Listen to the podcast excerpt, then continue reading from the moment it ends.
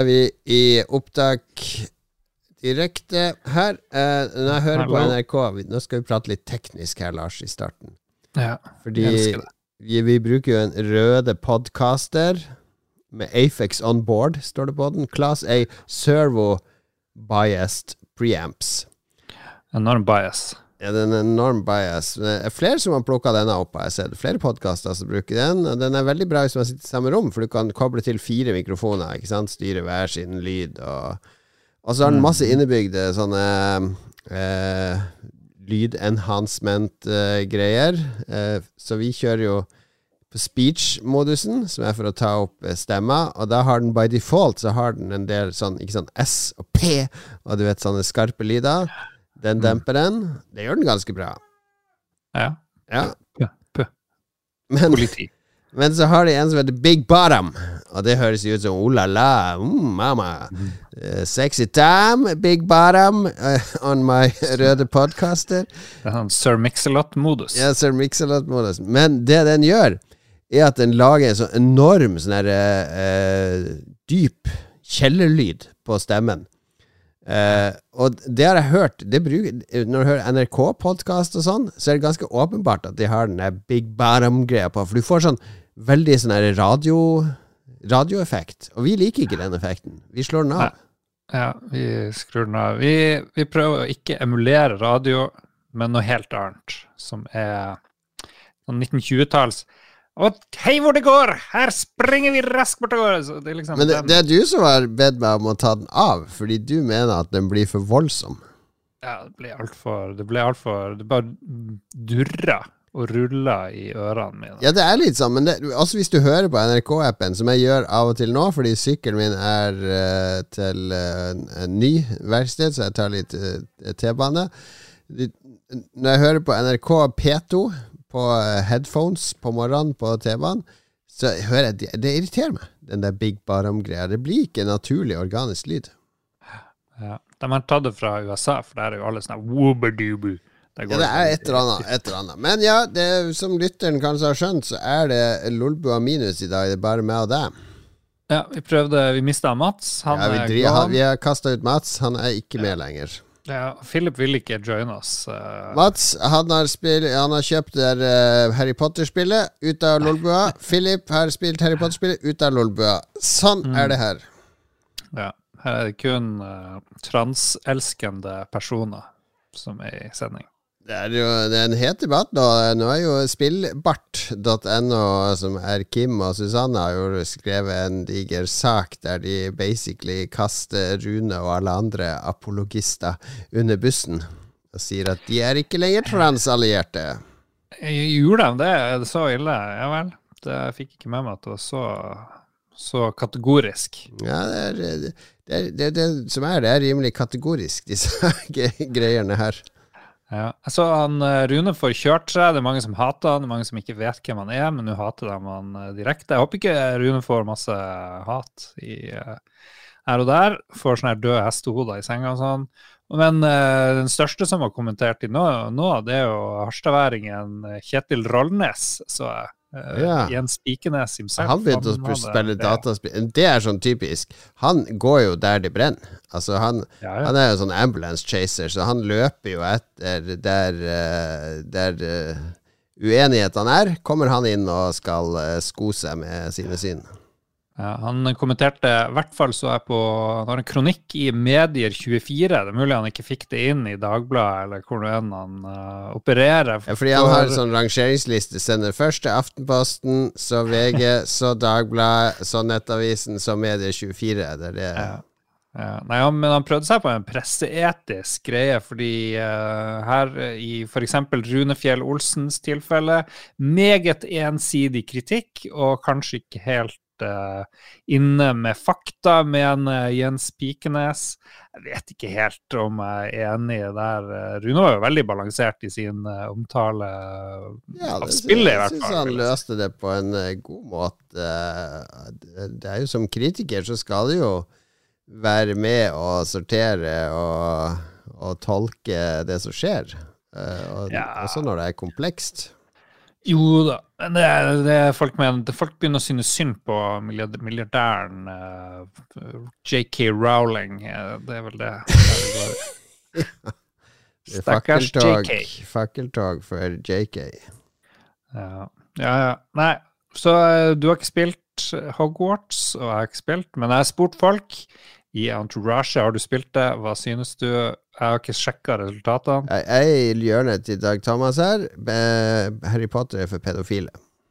Herregud.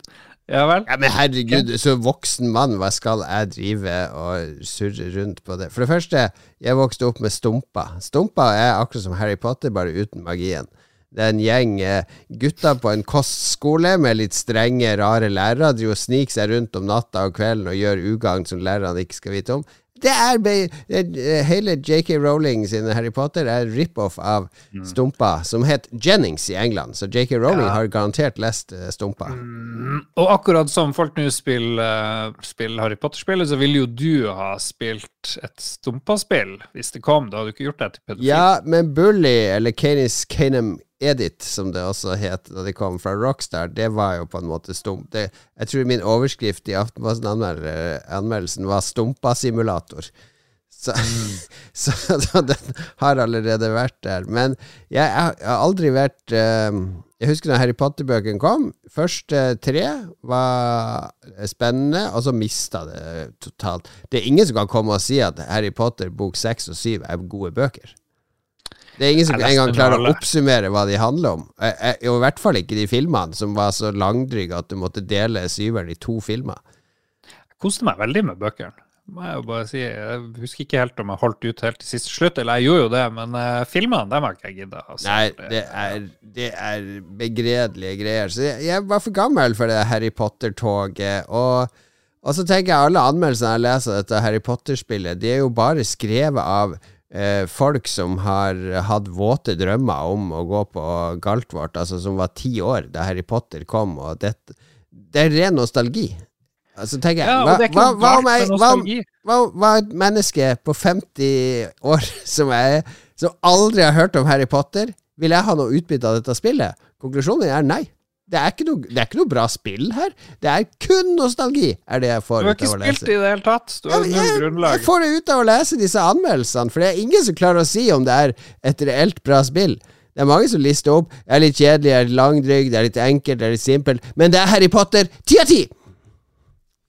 Nå må jeg laste ned her, kjenner jeg, i ren opposisjon. Ja, Da blir du også kasta ut av lolbuen.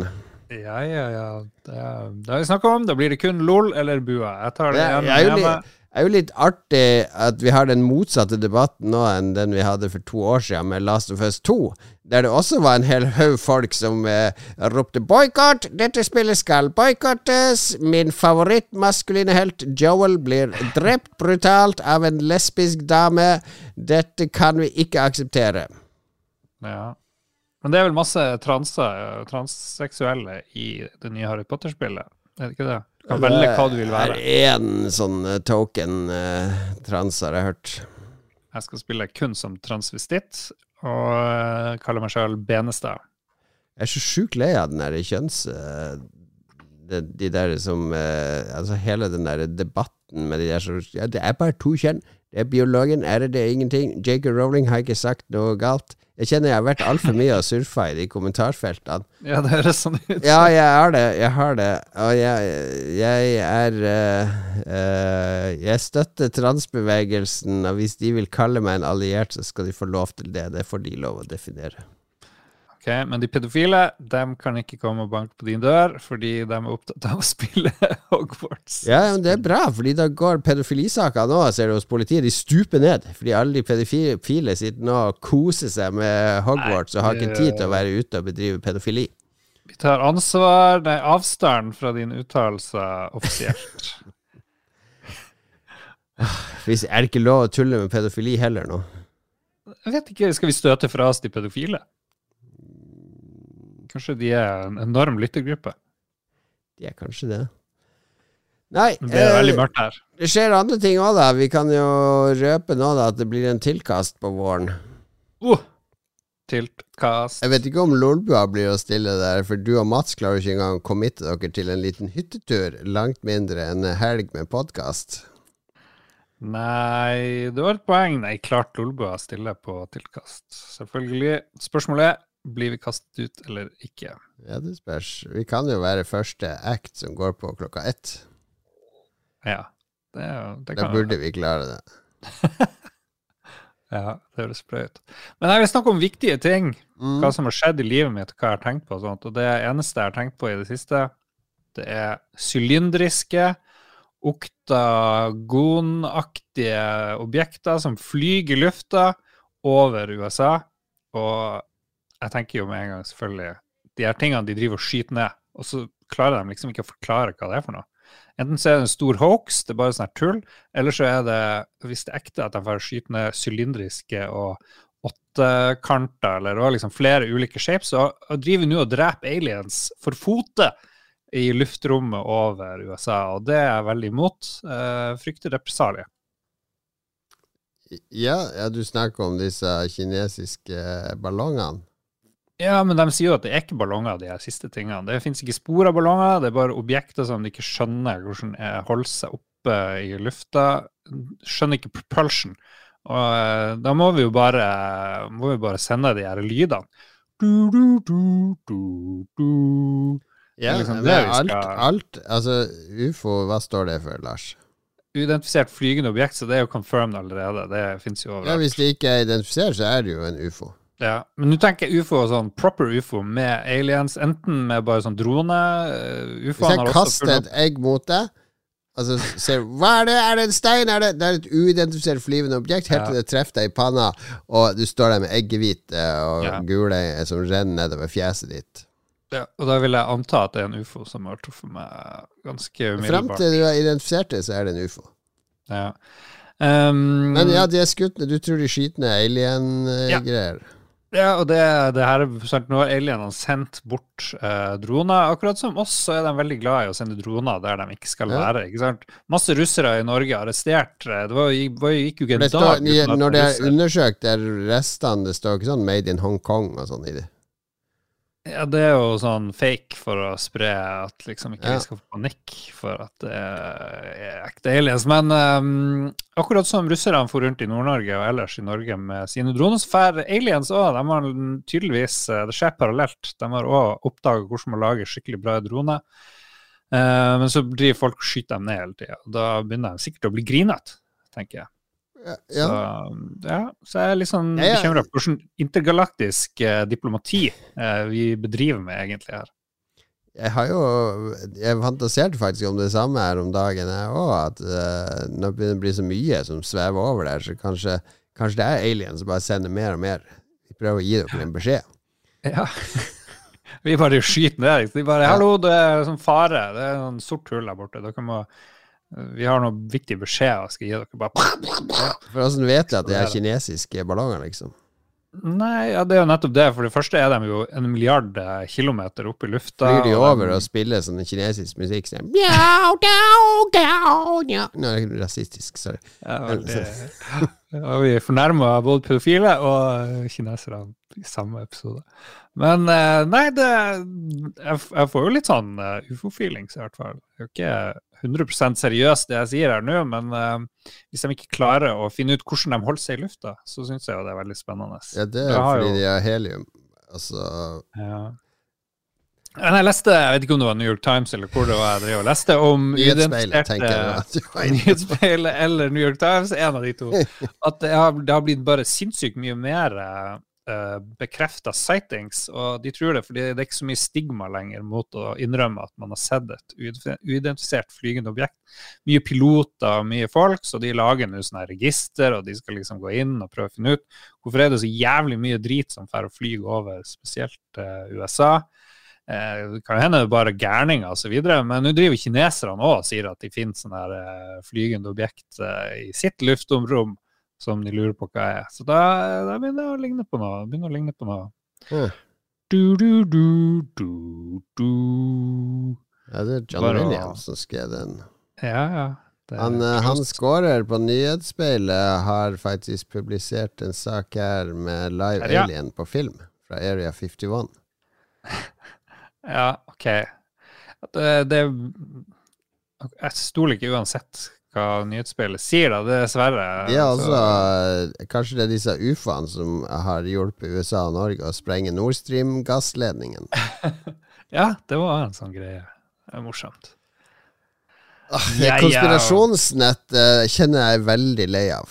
Det er uh, Det er tett relatert til uh, dystopien vi akkurat har snakka om. Ja, vi hadde en hel episode med dystopi eh, siste jeg er lei av okay. dystopi nå, fordi jeg prøver å bringe glede i livet mitt. Og hvis du husker siste episode, så snakka jeg om at jeg har oppdaga den briljante bilsimulatoren iRacing. Ja. Eh, og den er blitt så glad i nå. Ikke sant? Jeg hadde Bak meg nå så ser du det står det en sånn Mercedes-stol. Det er jo F1-riggen min, som er rigga ned. Skrudd ned ratt og pedaler og Mm. flytta skjermen og alt sånn. Den ligger ute på finn.no nå. Ja. Du, Jesus. å, nå ringer det kanskje et bud der. Hallo, hallo. Hallo, herr Bud. Dette er uh. Eh, hva sa du? Du ringer fra FedEx? FedEx, ja. Ja. Du, jeg har en pakke til deg på mellombolgen 139 L. Ja, det er riktig. Jeg sitter her, jeg.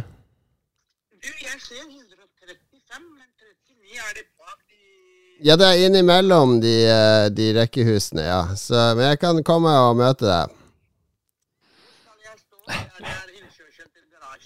Ja, ja, det er topp. Stå der, så er jeg der om, eh, om ett minutt. Ja, hei, hei.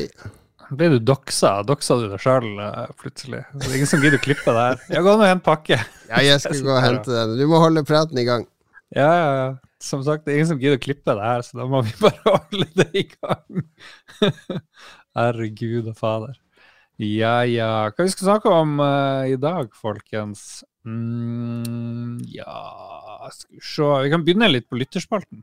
Kan vi gjøre. Sånn snikestart. Hva spiller folk? Er det noe bra? Er noen på Hogwarts-kjøret? For jeg er jo litt sånn spent på hva folk uh, syns. Og den første som eh, som tar ordet, Kosti Eriksen. Det spilles Deliverous Mars. Og hva i all verden er Deliverous Mars? Det skal jeg fortelle deg jammen meg. Det er et atmosfærisk sci-fi-eventyr som tar deg på en uh, spenningsfull uh, sak for å samle et koloniskip. Eller flere koloniskip, det virker det som. Hmm. Eh, ser ut som du kan drive med fjellklatring i space. Jeg vet jo at Kosti er veldig glad i sånt. Ja, ja. Det ser helt topp ut, eh, Kosti.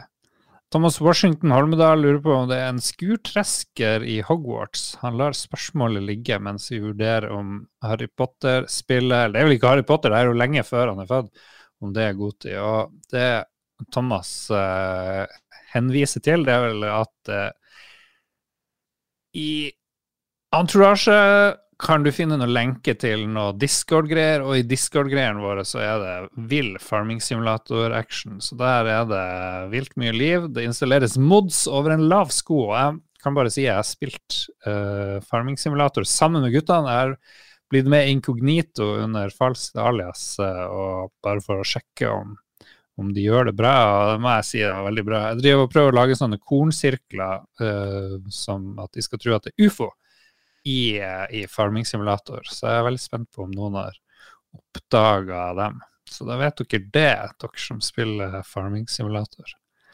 Simen Rudi Løkken, han har begynt på Metroid Prime Remastered etter sniklanseringa. Uh. Kjenner jeg har litt lyst til å, å gå tilbake til Metroid Prime, eller Metroid, som de, eh, noen sier. Han trives godt med det, sammen med nok en gjennomspilling av Breath of the Wild i påvent av oppfølgeren. Og jeg må si, nå er det syv år at de har hatt ute Nintendo Switch. Var lei for fire år siden av Nintendo Switch. Det, det holder ikke mål, Nintendo. Må dere skjerpe dere og få noe, få noe bra. Kan ikke huske sist Jo, OK, det er minnes svakt at jeg fyrer opp eh, Nintendo Switchen min av og til, men det så forsvinner Den ligger bare og samler støv, og det, jeg vet ikke, hva er, det er sikkert noe galt med meg. Uh, skal vi se. Per Anders Fossløen, han spiller Hogwarts all the way. Jeg savner litt sånne her eh, begrunnelse i de svarene, men OK, Per Anders, jeg tar deg på ordet. Odd Egil Hegge Selnes er i gang med Last of Us Part 2. Serien bidro med et kraftig spark på leggen, og ja, jeg så Så hele første episode? Jo, jeg gjorde det. Sinnssykt, uh, sinnssykt vakkert uh, lagd. Og så liker jeg veldig godt at den der uh, musikken, samme fyren som lagde musikken til Last of Us, driver og kjører på på TV-serien. Det gjør jo at det blir meget bra. Oi, nå kommer Jon Cato her. Han har fått en pakke. Pakke i Åh, ja, posten. og pakke. Oi, oi. Ja. Ja, unboxing. Unboxing. Vi skal live unboxing. Har, mens du var borte, så begynte jeg bare på lytterspalten i Mangeland, og Ja, er mer fornuftig å ta meg til. Så blir vi fort Holder det effektivt. Ja, så må du beskrive hva du ser her. Ja, en grå pakke, en helt standard pakke med litt sånn elite-klistremerker. det er noen sånn Racer-klistremerker eller tape. Nei, hva det står Azeron. Azeron, hva kan det være? Hva kan det være? Det er sikkert noe sånn her racing-sim-drit på gang. Nei, Nei. ikke i dag. Ikke i dag. Zero. Nei, Jeg gidder ikke å google det engang. Det er for Det er for lett å google ting. Det her faktisk, skal jeg fortelle om på neste Lolbua, nemlig. Skal jeg teste for Lolbua, for jeg blir tipsa en, eh, en på quizen som har den her. Mhm. Og viste meg en gang, og da ble jeg veldig intrigued. Det er en sånn her ny uh, runkerobot som uh, har blitt kommet på markedet. Azeron. Det er ikke det. Nei, OK. Det er en Oi, spennende. Oi, oi, oi, oi, oi. Det er sånn ASMR-sending med mye sånne her enorme lyder. Jeg åpner litt voldsomt, så at jeg skal høre at det er ikke fake. Nei, det er er jo veldig Andre Jeg podkaster kunne faka det, vet du. Jeg driver og venter enda på pakke jeg sjøl med den jævla kalenderen. Det blir jo Det desember den, ja. før jeg får den. Den ligger på jobb. Ja, det er full forståelse. Oi.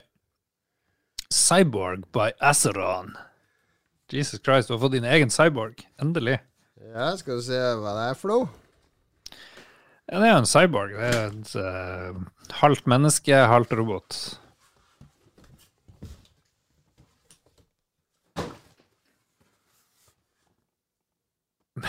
Ny grå eske inn i den andre grå eska. Made for you, står det. Pull here. Uh. Først er det sånn kinamatboks. Ok, En svart boks. Her er den, vet du. Altfor mange bokser i boksen. Det er det.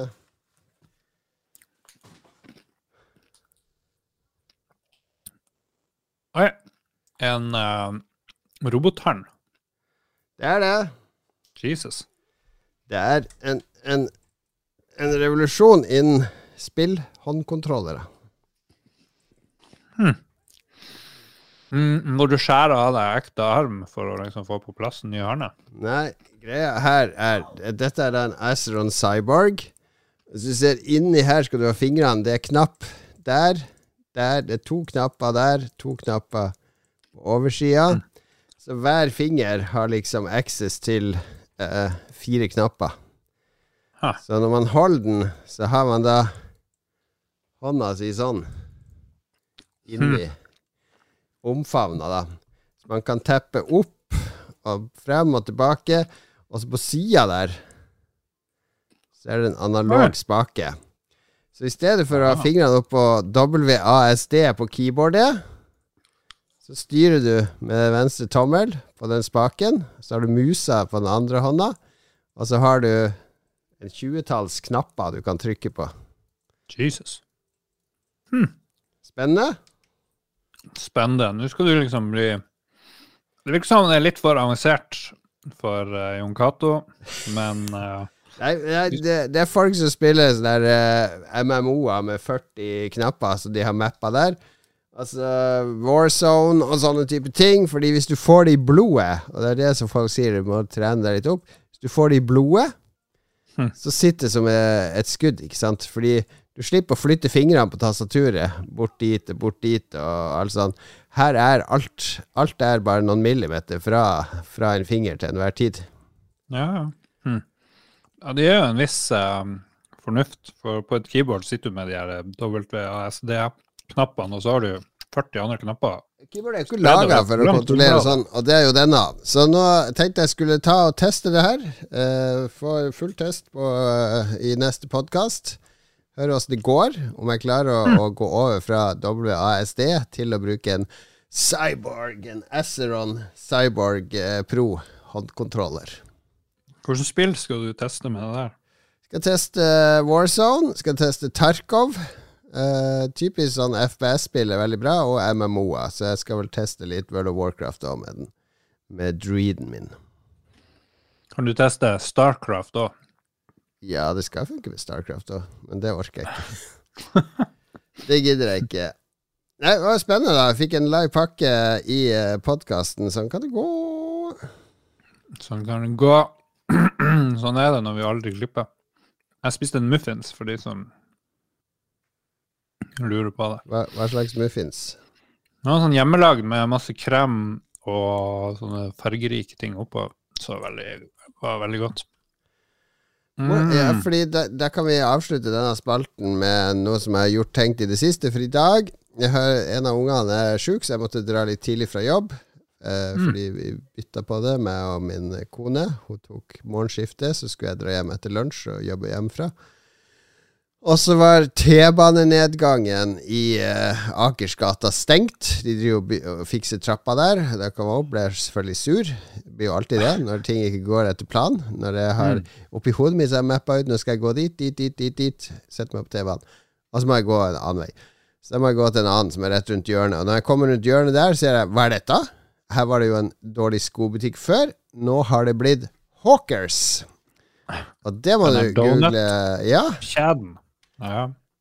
for det er jo en kjede som bare har vært i Drammen. Du har hørt om den, ikke sant? Jo, jo, alltid Magnus, vår venn, han er Al Alltid Magnus, vår trofaste lytter, han eh, fremsnakker Håker hele tida. Altså, vi har jo noen sånne greier i Oslo. Eh, vi har de der eh, My Ugly Baby og en til nede på eh, ved Operaen. Som også lager litt sånne fancy donuts med popkorn og ting og tang på. Eh, men Hawker har jeg hørt er eh, De er en level over de, er liksom ryktet. Så det, og visste jo at de skulle komme til Oslo, og visste ikke at de skulle komme så nær jobben, så da måtte jeg jo gå inn der, se hva de hadde. Veldig mange lekre donuts. De hadde også ostekake. De hadde hjemmelaga makroner, rosa makroner, for det er jo halloween nå eh, denne uka. Halloween, ja. Nei, valentine. To sider av samme sak. Eh, Og så begynte endte jeg opp med å kjøpe fire donuts. Én med noe sånn der krem og bringebær. En med En sjokoladedonut dekt med sånn sjokoladeglaze, og med et kin, brunt Altså Kinderegg oppi, oppi hullet. Det, de prøver litt for mye. Det er jo faen meg alt mulig. Altså så hadde de en rosa en, jordbærdonut med en kjærlighet uh, på pinne oppi, og så hadde de en annen med en uh, Ja, en med hvit sjokolade og noe grønt strøssel, og en pukki. En pukkipinne oppå. Ja, Men faen heller, folkens. Det der donuts-greier nå er jo bare å lage en donut, litt strøssel og litt sånn glaze, og så putter du noe random godteri. Du putter en, eh, en Stratos uh, Det er noe overdådig med det, og det kommer jo også fra de boblevaflene som begynte med det her med å, å tømme en hel, hele disken på en godtebutikk oppi en sånn vaffel som du har rulla rundt. Ja. Eh, Jeg er litt kvant, jeg må innrømme det. Vi har spist de, de spiste til dessert i dag, og det, jeg, jeg blir Hver bit er sånn Oi, dette var søtt og godt, og så blir du litt kvalm med en gang. Ja, det er jo helt forferdelig mat, så jeg skjønner ikke hvorfor det, hvordan det klarer å holde seg. Fordi de som kjøper det her mye, de må jo dø etter ca. to år, liksom. Ja, jeg tror ikke du skal kjøpe det så mye, men av og til så er det lov å unne seg. Akkurat som du har unna deg muffin nå. Det er ikke noe sånn grov eh, helsemuffin du har sittet og dytta i deg. Nei, nei, men det var noe hjemmelagd eh, i huset. Ja, ok. Og hva spiste du før den muffin? Eh, Grandiosa.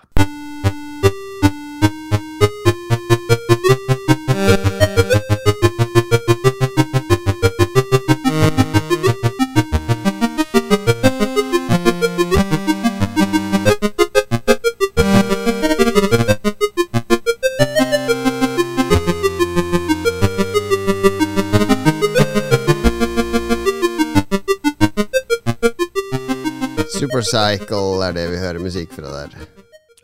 Fantastisk eh, musikk. Spilte der Supercycle en del? Hørte vi den sangen i forrige episode? Nei, det er mange episoder siden. Ja, ja, for nå er det remix. Gammel musikk blir som ny. Hvor kommer det av det der med å rope remix når noen spiller en remix? Jeg vet ikke. En eller annen klubb. Vet du hva, jeg har en impromptu. Hva er greia med? Ja, jeg det liker vi. Hva er greia med, og det her baserer seg kun på tre mennesker jeg har observert som har gjort det her, men alle har vært kvinner, og jeg klarte jo å dømme alle kvinner ut fra akkurat det. Kvinner, mitt postulat, kan ikke stable i oppvaskmaskinen på en fornuftig måte. Kjør debatt. Du, kjenner du deg igjen i det her? Det ser ut som han har tatt en bøtte med servise og ting, og bare helt det opp i, eh, i oppvaskmaskinen. Og så tenker man ja, det der er kjempebra. Når du ellers er et veldig ordensmenneske og skal ordne på krydder og alt mulig, så er det noe som skjer i den der oppvaskmaskinen. Hvor noen i hvert fall, eh, og kun kvinner, klarer ikke å stable det her ordentlig. Ja. Er det, gjelder dette for din mor òg? Ja, Ja, hun bare hiver ting inn i oppvaskmaskinen. Det er ja det ser ikke ut. Utnytter plassen veldig dårlig. Ja. Og så prøver jeg å påpeke det her, får bare sure kommentarer tilbake. Null forståelse. Ja, jeg må, jeg, jeg må jo innrømme at jeg kjenner meg igjen, for det er sånn hjemme hos meg òg. At eh, for eksempel så har vi sånne store skåler ikke sant, så du kan spise frokostblanding i, eller ha litt godteri. Sånne boller, ikke sant. De er ikke sånn Mm. megasvære. Det er ikke nok til å fylle en hel uh, middag. Det er ikke sånne store djuptallerkener, men det er mer sånne suppeskåler eller et eller annet. Ja, litt ikke så breie. Og de bruker vi en del, ikke sant. Hvis man har taco, så er det typisk at du har her oppi her så har vi paprikaen, og så har vi en annen vi har agurk i og sånn. Og de setter hun konsekvent i andre etasjen der alle glassene skal stå. Og det med, De tar jo så mye plass der, ikke sant? så det medfører jo at umiddelbart så blir andre etasjen full av glass og de skåler, og så er det liksom tre asjetter nede der. Og sier men se nå her, du kan jo ta denne store skåla, den passer akkurat på disse perfekt eh, Disse asjettpinnene holder han der nede.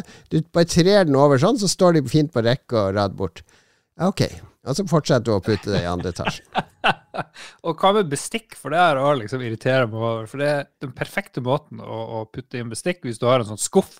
Ja. Du kan legge den bortover. Og knivene, du har skje, du har gafler ved siden av hverandre. Når du skal tømme oppvaskmaskinen, så bare tar du en neve, drar ut, og så putter du bare i Jeg rett. så det ikke, fordi vi har hatt sånn på toppen, og den Jeg liker ikke det. Jeg liker bedre at det er en sånn kurv med de.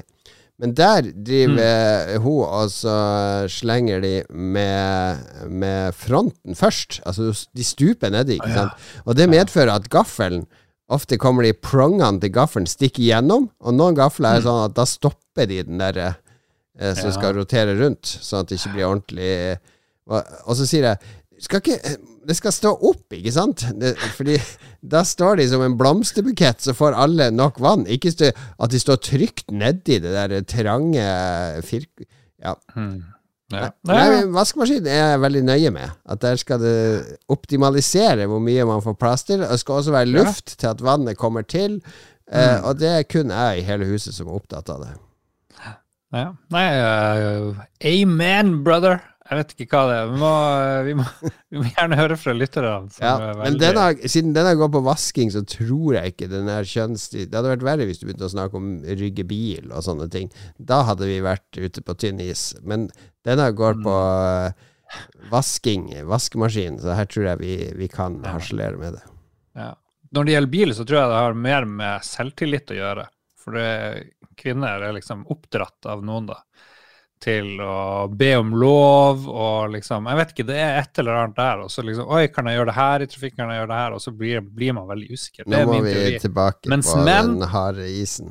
Mens menn tror de er verdensmestere på alt og bare brøyter seg frem i trafikken. Det er min teori når det gjelder Ja, du er nok inne på noe. Men apropos brøyte seg frem i trafikken. Jeg nevnte jo forrige episode. Vi skal jo egentlig prate om hva vi har spilt siden sist. Nei. Ja. Og jeg nevnte i forrige episode at jeg har begynt på blitt hekta på iRacing i Hmm. VR. Nei, ikke i VR, det var, nå spoila jeg det. Jeg har blitt hekta på iRacing. Eh, Glem, glem VR. Dette skal jeg spiller det på den der svære Samsung uh, ultrawide-greia, tett opp i trynet. Det er gøy, det. Men så begynte jeg å lese om at det skal funke bra i, i VR, og jeg har jo en HP Reverb G2 eh, liggende, som ikke blir sånn enormt mye brukt, men av og til. Så jeg ok, jeg skal prøve det i VR, da. Kobla til den og stilte inn litt her og der, og begynte å kjøre bil i VR, og det er, det er vanskelig å gå tilbake til uh, flatskjerm. Fordi bil er jo noe som er perfekt å kjøre i VR, ikke sant? Det er noen videoer på nettet nå òg med Gran Turismo 7 i VR på PlayStation 2 VR, 5 VR nå, ikke sant? Aha. det er noe Det er noe med at I hvert fall når du har litt sånn simrig, sånn som jeg har det, at du sitter i et sete med hendene på et ratt, at du har et gir ved siden av, at det Mm. blir det blir en immersion av en annen verden. Og det man kjører i VR, plutselig kan jeg bruke sidespeilene mer aktivt. Eh, jeg, jeg, jeg kan se eh, mot Apexen og, og hvor, jeg, hvor svingen exiter ved å vri hodet den veien. Altså, det, det er eh, jeg, klarer ikke å gå tilbake nå. Nå, nå kjører jeg bare i VR. Men da sitter du ikke i den der eh, dyre Mercedes-stolen din, var det det? Jo, jo, jeg gjør jo det, men den eh, har jeg jo skrudd ned nå, for den skal jeg bytte ut med en, eh, en litt mer stabil rigg, fordi den er ikke så det, Når man kjører en Masta MX5, så du, ligger du ikke sånn som du gjør i en Formel 1-bil. Pluss at jeg får ikke gira med den. Det er ikke noen plass å montere giret. Ah. For jeg har jo en sånn åttepunkts eh, sånn hårskifter. Ah, ja. Fra Ja, du bruker ikke pedals eh, på alt? Jo, på Formel 1 bruker du pedal, men hvis du kjører en Masta MX5, så vil jeg gjerne gire sånn som man gjør. Og det kløtsje og gire og få full immersion, ikke sant. Mm. Ja. I, et ekte ilandsproblem der, altså, som, men som lar seg fint løse. Ja, det er noe som bringer meg glede. Og så er det du, I iRacing der også, så det er en sånn ting jeg har lyst til å gjøre. De driver og kjører sånn tolvtimersløp nå. Eh, når, Jesus. når de akkurat kjørt i den banen i, i Australia, eh, Bakurst eller hva den heter. Jeg har sett en del streams fra. Eh, Tolvtimersløp! ja, ja, Det høres ikke bra ut. Nei, men da er du på et team, som er to stykk, ikke sant? Ah, Altså, hvis jeg og du hadde kjørt, ikke sant, så hadde du sittet hjemme med din simrig, og jeg hadde sittet her med min. Og så hadde jeg kjørt i to, to og en halv time, og så hadde vi avtalt ok, nå pitter du, og da sitter jo du i spillet og venter, så går jeg inn og pitter, og så er det sånn 10, 10 sekunder, 20 sekunder, og så er det du som kjører ut med den samme bilen. Da kan jeg gå og chille. Det er jo gøy. Det er jo sånn de gjør i Le Mans. Ja. Sånn. De kjører jo Le Mans 24-timerløp òg i noen av disse simulatorene. Eh, så da, da begynner jeg å snakke om eh, en morsom, eh, morsomt. ja. Nei, det, da du må tenke på hvem var det som var best i gokart da vi kjørte i Pattaya, dine venner her for Jeg, jeg vet jo at det er Tore som jeg skal overtale inn i det her, for det er ingen som er bedre i bilspill enn Tore. Tore var ikke med til Pattaya, så han er teller ikke. Han hadde knust dere. Men ja, iRacing i VR er det som gjelder for meg nå. Men jeg har også testa noen demoer, men du også har spilt. Jibbidu. Uh, jeg har jo elska både Flow, Flower og Journey fra That Game Company. Yeah. han. Han er Genova Chen. Uh, lagde masse av de spillene, og så fant de ut at ja, nå skal vi lage Det kan hende det finnes de andre ting òg, men det kom det først til sånne Apple Arcade-greier. Det var i hvert fall der jeg spilte. Og så har jeg liksom ikke klart å begynne. Jeg lasta ned, og så bare åh, må jeg spille på mobilen. Det er, jeg, jeg kan spille sånn enkle ting på mobilen, men det her er jo Hæ? Crash Bandicoot. Crash Bandicoot. Ja, kjempeenkle ting. Sånn puzzle-ting eller et eller annet. Men uh, her er det jo sånne fuckings virtuelle kontroller. ikke sant? Du må se deg rundt omkring med, med høyretommel, og så skal du springe med venstre. Og det klarer jeg ikke. Men jeg elsker jo Journey, det er jo det beste spillet i hele verden, og likte det i forrige år, så jeg tenkte la oss gi det en sjanse. Så jeg har spilt litt, eh, litt eh, Sky Children of Light, hvis jeg husker rett, var det jeg skrev. Ja. Eh, det, det Hæ? Ja, ja, sier. Jeg Ja. sier mye her. Det første inntrykket er jo at det her er Journey 2.0. da. Det, det første du gjør, er å springe rundt eh, i noe sand. Og så kan du skli ned sanddynen, akkurat som i Journey.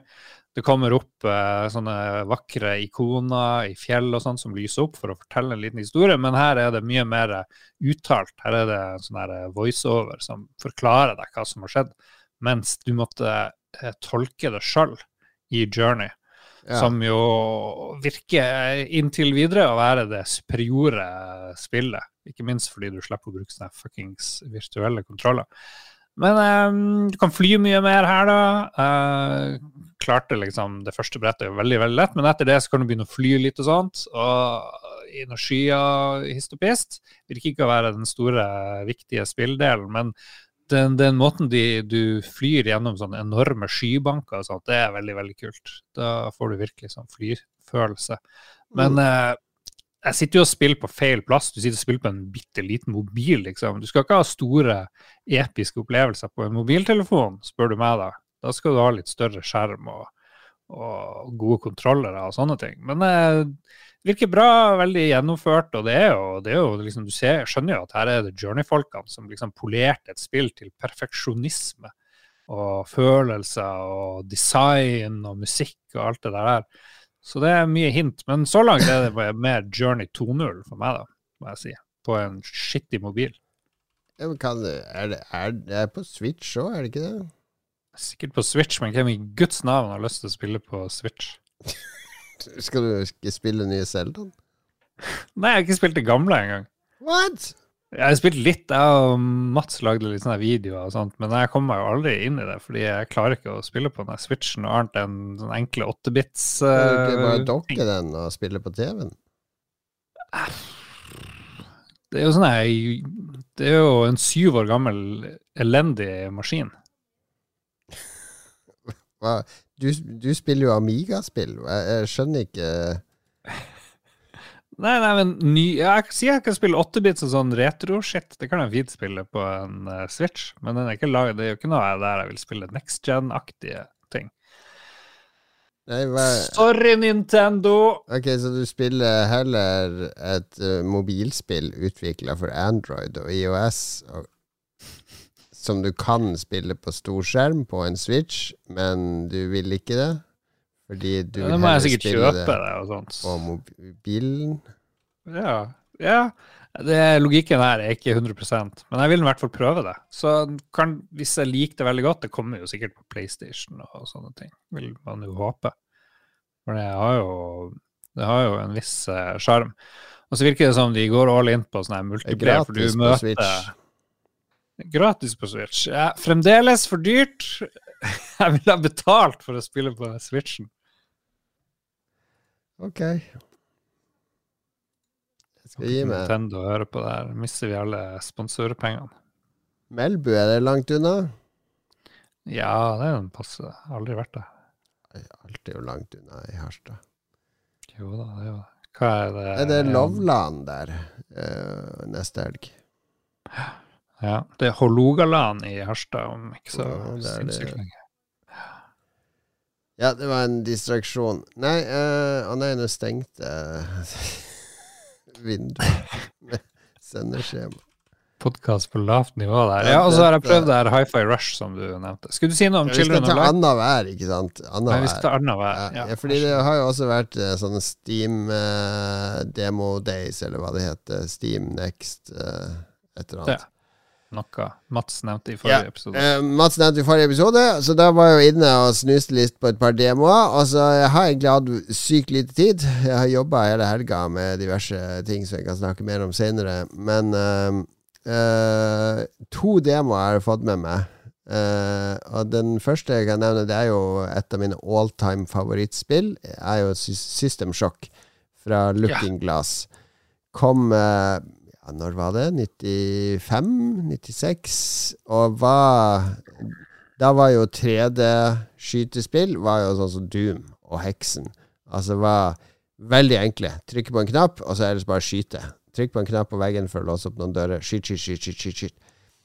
Eh, og så hadde du noen som prøvde seg, og det var jo basically Looking Glass med Ultima Underworld, og så etter hvert Systemsjokk, som prøvde seg med komplekse eventyr slash rollespill i 3D-setting med action. Og System Shock var helt fantastisk for sin tid, men det er fullstendig uspillbart i dag. Eh, Jeg har gjenbesøkt det spillet faktisk eh, i fjor, for da var jeg med i CD Spill-podkasten som gjest for å nettopp snakke om System Shock. Så det, det finnes i den originale versjonen. Det går ikke an å spille, rett og slett. Altså, det er så kronglete kontroll. Man hadde ikke funnet ut av mus-tastaturkomboen og sånn, så det er basically å trykke med musepekeren på sånne ikoner i HUD-en for å gå fremover eller snu seg til høyre, så trykker du på en sånn pil. Ja, du kan ikke gjøre det på tastaturet, liksom. Det er helt absurd. Men jeg spilte jo gjennom det på den måten på 90-tallet, for det var den måten man kontrollerte det på da. Men det går ikke nå. Og så er det noen som har laga en sånn revampa kontroll-mod-versjon av det, som også ligger på Steam, som faktisk går an å spille. Det, det er nesten intuitivt, men fortsatt litt kronglete. Men i flere år nå så er det et selskap som har en, holdt på med en System Shock remake, som skal være en komplett remake av originalspillet, bare med moderne grensesnitt og oppdatert grafikk og, og lyd og alt. Og den kommer nå i mars. Gleder meg skikkelig. Eh, og jeg måtte jo teste demoen, og det var så bra, den demoen, fordi det eh, Sånn eh, visuelt så ser det ut som et 90-tallsspill, bare i, i Det ser ut som et 90-tallsspill, men det føles som et fresht, moderne spill. Eh, og det, det har alt som originalen hadde, som jeg husker. Altså det, det er nervepirrende, det er masse inventory-greier, det er masse upgrades. Så jeg endte opp med å spille det over en halvtime. Og det har også et nivådesign som man ikke finner i dag, fordi nivådesign i dag det, det, det var litt interessant observasjon, syns jeg. For nivådesign i dag, det er Nå får du utforske disse fire rommene og den korridoren, ikke sant? Så er det ting du må gjøre der, før du går videre til neste bolk, og så neste bolk. Mens her så er det sånn eh, Ganske tidlig i spillet så kommer du, hvis du fikser et sånt panel, så åpner det en sånn heis, og da kommer du til en seksjon i den etasjen som er ganske tøff. Altså det er mye fiender og sånn der. Eh, Mm. Eller så kan du gå andre veien, som er der du mente du skal gå, liksom. Men du kan gå i den tøffe veien, og det kan du, du kan basically løpe ganske langt. Sinnssykt langt inn der, forbi fiender og masse sånn, og du får masse fiender etter deg, og du kommer jo helt sikkert til å daue. Speedrunner. Ja, men- nei, men det er liksom ikke sånn Spill nå i dag er liksom rom, cleare rommet, gå videre til neste rom, gå videre til neste rom. Ja. Her får du tilgang til ganske mye av labyrinten ved å utforske, hvis du vil. Ikke sant? Så du, du er litt på egen hånd. Du kan eh, utforske i ditt eget tempo, eller eh, burde jeg gå dit, burde jeg gå dit? Hm, spillet gir deg ikke et entydig svar på det. Jeg vet noen steder jeg har lyst til å nå, liksom, men jeg vet ikke helt hvor de er. Så, så du blir oppfordra til å utforske på egen hånd, og ikke bare følge den jævla pila på kompasset eller minimappet.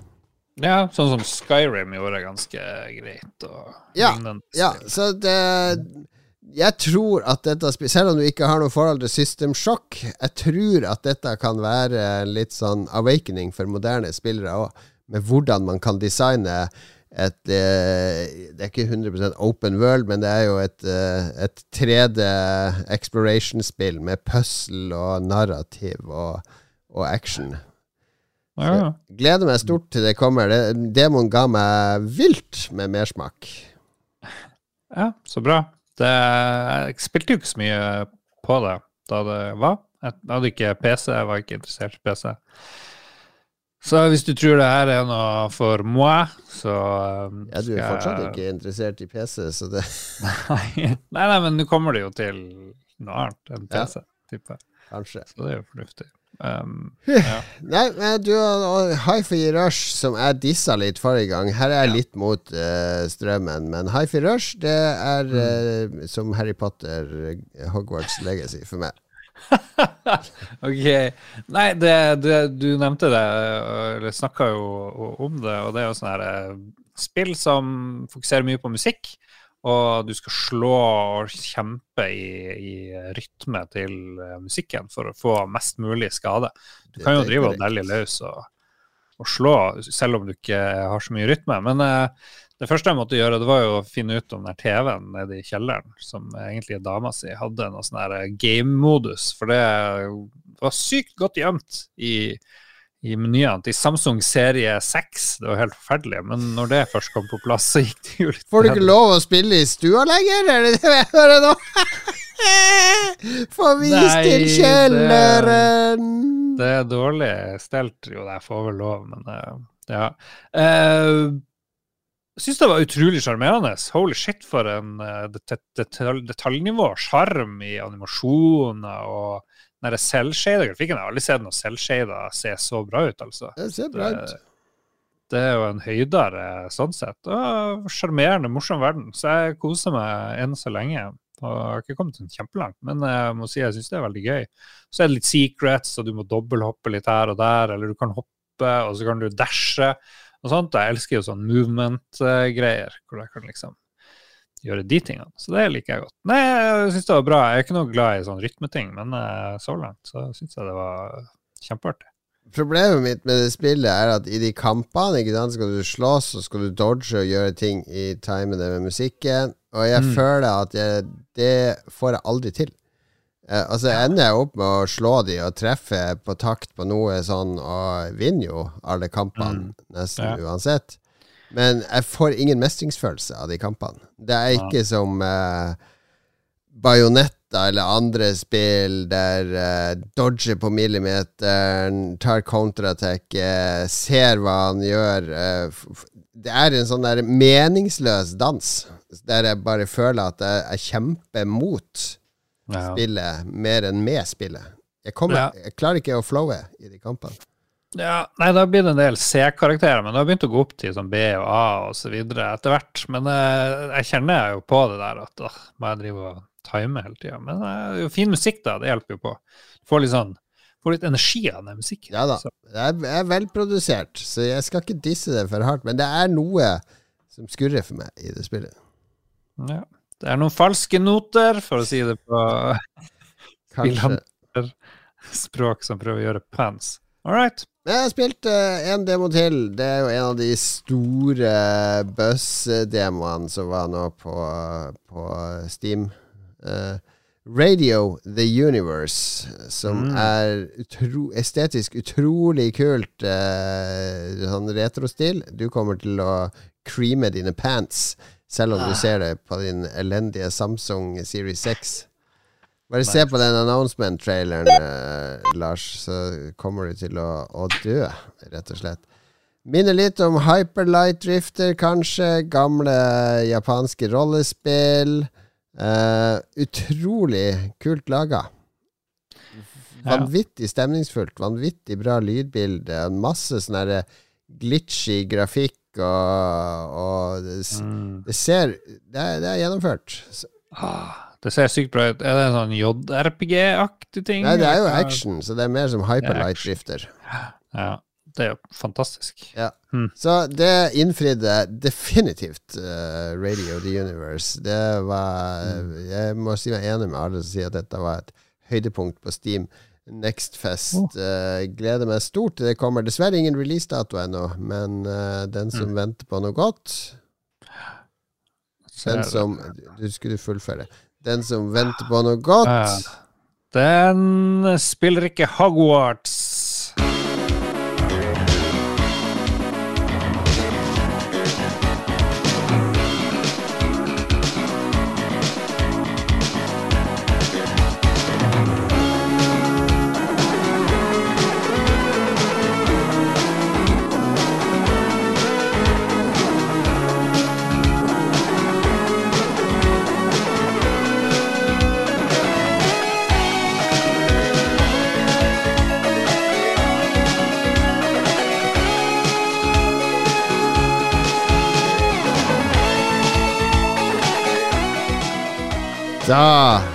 Vi nærmer oss kåringa av det beste spillet i 1986. Vi har bare to måneder igjen, Lars. Oh. Nice. Ja. Men Vi, når vi er eh, ferdig med 86, så skal jeg liksom se på lista over alle spillene som kom, og så er jeg sikker på at jeg finner masse spill vi ikke har nevnt. Fordi De her Ja, ja, kildene er jo så upålitelige og ukomplett, egentlig. Ofte står det jo bare katt i hvilket år spillet Tenk kommer. deg hvor vi kommer til å kose oss om noen år når vi sitter i 93, 94, 95. Ikke sant? Da, er, da er det helt presise datoer. Og da ikke sant? Da er vi tilbake på Blindern og PlayStation 1 og hele Det kommer til å bli Mm. den mimrefesten, ikke sant? Bare vent. 86 og 87 Ja, det er jo bare tre år til med Lolbua, så er vi der, eller ti. Ja, ja, ja. Det er viktig å spre content utover. Og denne spalten blir mer og mer populær blant lytterne som setter pris på disse dypdykkene i de gamle spillene. Ja, de står i kø, de som er fornøyd med denne spalten her. Skjedde det, Hamre på noe, skjedde det noe gøy i 1986 eh, i november, da? Hvor er vi der? Herregud. November Eh, vet du hvem som ble eh, eh, eh, Hva heter det Statsminister i eh, Queensland? Nei, gud rett. Han Jon Bjelke Pedersen. Ja, han kjenner vi til. Eh, Her var det. Herregud. Iran kontra uh, Alex Ferguson ble manager for Manchester United denne måneden i 1986. Faen Nå ser jeg hvem ble født i november 1986. Det er jo ingen kjente mennesker i det hele tatt. Er ikke det? Norsk ishockeyspiller. I, ivoriansk fri, friidrettsutøver. Hva er det nå driver driver Wikipedia svikter oss. Kasper Schmeichel ble født denne måneden. Cary Grant døde. Or Ah, Michael, Alex ja, De blir jo unge. unge. Oscar Pistorius eh, ble født i november 1986. Er han i slekt med han eh, Formel 1-kjøreren? Ja, det var et godt poeng. Det kan ikke være så mange Pistorius. eh, Nei, det er jo et spesielt navn. Ok, ok, det skal handle om spillene som kom i november 1986. Vi baserer oss på eh, Wikipedia, vi baserer oss på spillblader fra denne tida. Disse spillbladene var litt sånn eh, eh, Poenget er jo at spill har ofte ikke releasedato. De ble sluppet i en periode. Så vi prøver å basere oss på da spillet først ble sluppet globalt, altså i et eller annet marked gjør en del research, og så har vi kommet fram til at uh, vi har seks spill vi kan dra fram fra 1986. November, mm. Lars. Og det første er et som mange har hørt om. Eh, et Namco-spill som kom på Arkade. Eh, som er 2D side, sidescroller, kan du si, der du styrer en eh, agent. Han, han er medlem av World Crime Police Organization og har kodenavn Albatross. Og denne Albatross har rød jakke og grå bukse og en diger eh, håndpistol. Eh, går da rundt, eh, infiltrerer en organisasjon, en kriminell organisasjon, der han basically blaster ned folk med lilla og gule masker, eh, altså mennesker, som kommer inn og ut av dører og hopper eh, Altså Rolling Thunder heter spillet, for de som ikke har gjetta det. Ja Jeg har aldri spilt det der. Det ser jo veldig sånn her uh, Har du virkelig Ja. aldri spilt det? Jeg spilte Nei. masse. Det var helt sjukt bra, da. Nei, vi fikk det aldri. Jeg så, jeg så Commodore 64-versjonen på video. Holy moly, hvor shit det var i forhold til Arkada og sånt. I hvert Ja. Jeg vet ikke hvor du spilte det. Nei, jeg spilte det jo på Commodore 64, men også Arkadeversjon og i sånn Namco-museum på PlayStation 1 spilte jeg det masse. Og det, det, det, det var Det er en kul sånn eh, gameplay-greier i det, fordi du må liksom dodge kulen til de andre, så du kan dukke, og du kan også ta cover bak uh, scenery. Og, og folk kan komme ut av dører, så du må være var på de. Ganske vanskelig. Og så det, spiller jeg i sånn to etasjer, så han kan hoppe sinnssykt høyt opp til den andre etasjen eller ned. Ja. ja. Nei, det ser helt eh, ok ut. Det er vel ikke Er det mange som refererer det her spillet i dag, liksom?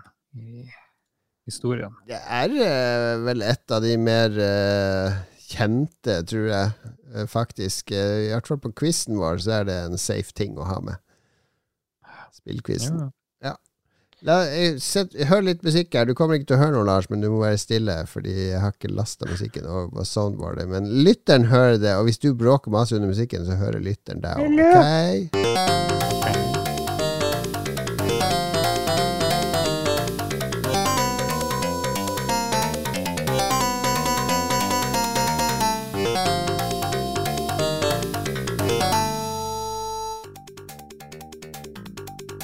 Og det, den som kommer inn nå, det er når brettet begynner ordentlig. Utrolig spennende, spenstig synt på den musikken.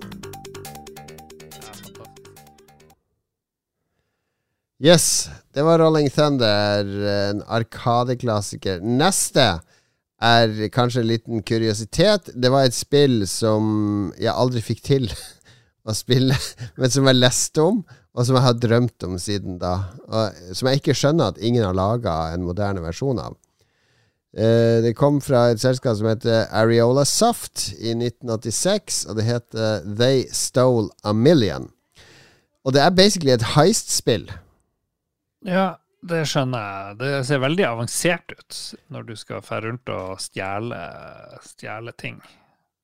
Ja, eh, altså det som fenga meg med dette spillet, var jo at eh, det, det er to deler i det. For det første skal du velge et heist du skal gjøre mot en bank eller en juveler eller noe sånt. Uh, og du skal jo snike deg inn, sprenge en safe eller et eller annet. Men etter du har valgt heistet, så skal du rekruttere et crew. Og det var det som feiga meg, for der skal du se på sånne dossiers, eh, sånne CV-er til ulike kriminelle, og så sette sammen et crew som har skills. Vi må ha en som er litt uh, god med knyttnevene for å slå ut en vakt. Vi må ha en som kan disable alarmen. Vi må ha en safecracker. Vi må ha en sjåfør. En getaway driver. Den delen, det var den som fikk fantasien min i gang. For hvor kult er ikke det, liksom, å sette sammen et sånn crew?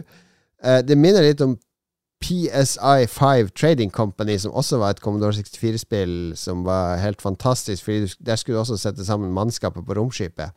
Og så hadde alle fordeler og ulemper. Ja, han er veldig rask med safer, men han eh, vil ikke jobbe med dame.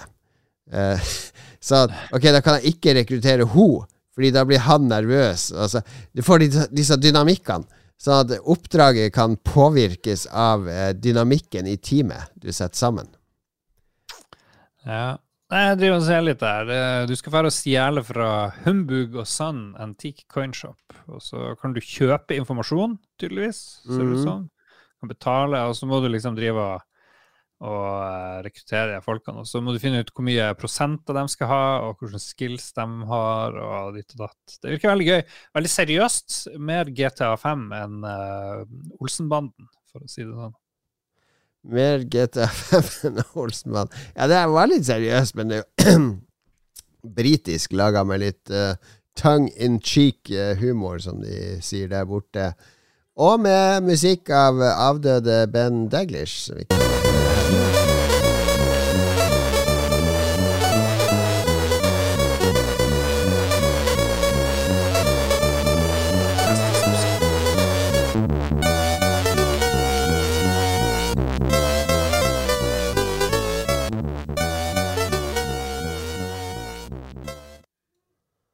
Sånn hørtes det ut på tittelskjermen. Spilte ikke det heller. Spilte, har du spilt spill i det hele tatt i livet ditt?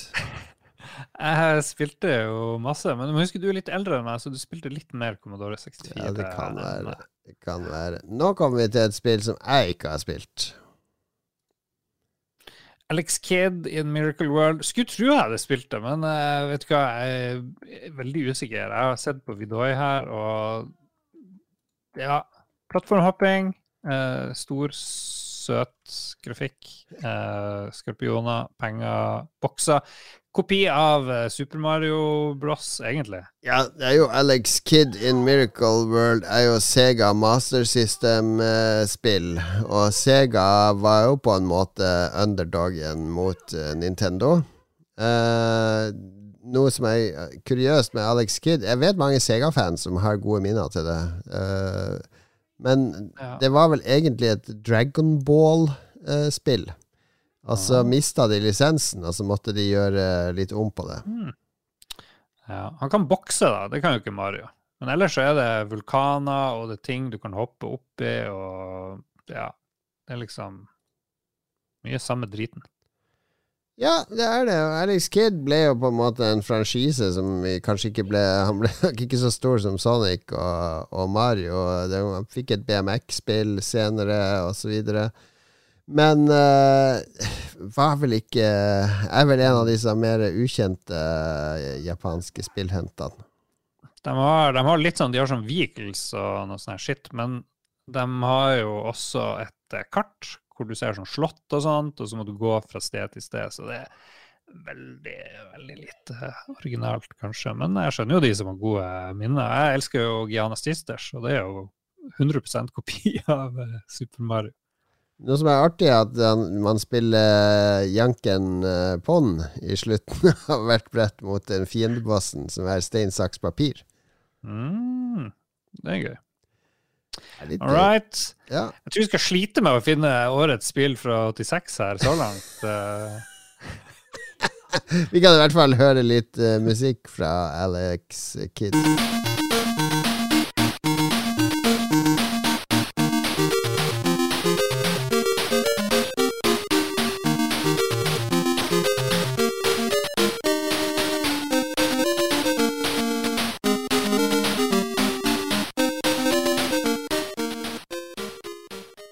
Vet du hva det heter på japansk? Uh, Super Miracle World. Alexa Kidd no miracle volu. det står ut. Ja. Du driver og ser Vidoi av Starglider på Amiga. Uh, mamma, Starglider! Nå begynner vi å snakke, fordi Starglider eh, var fra Rain Argonaut Software, og det er Jess Zan som står bak. Eh, veldig rart navn. Han heter egentlig Jeremy Elliot eh, Zan. Eh, Britisk eh, programmerer eh, som stifta Argonaut Software.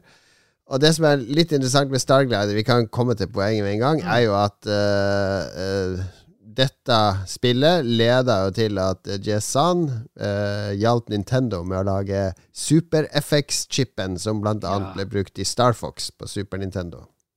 Helje. Ja. De lagde jo både Starglider og Starglider 2, og imponerte vel Nintendo så mye at de ble uh, henta inn for å bidra. Og det ser jo smashing ut, egentlig, i hvert fall på Amiga. På Commodore 64 så er det oh boy.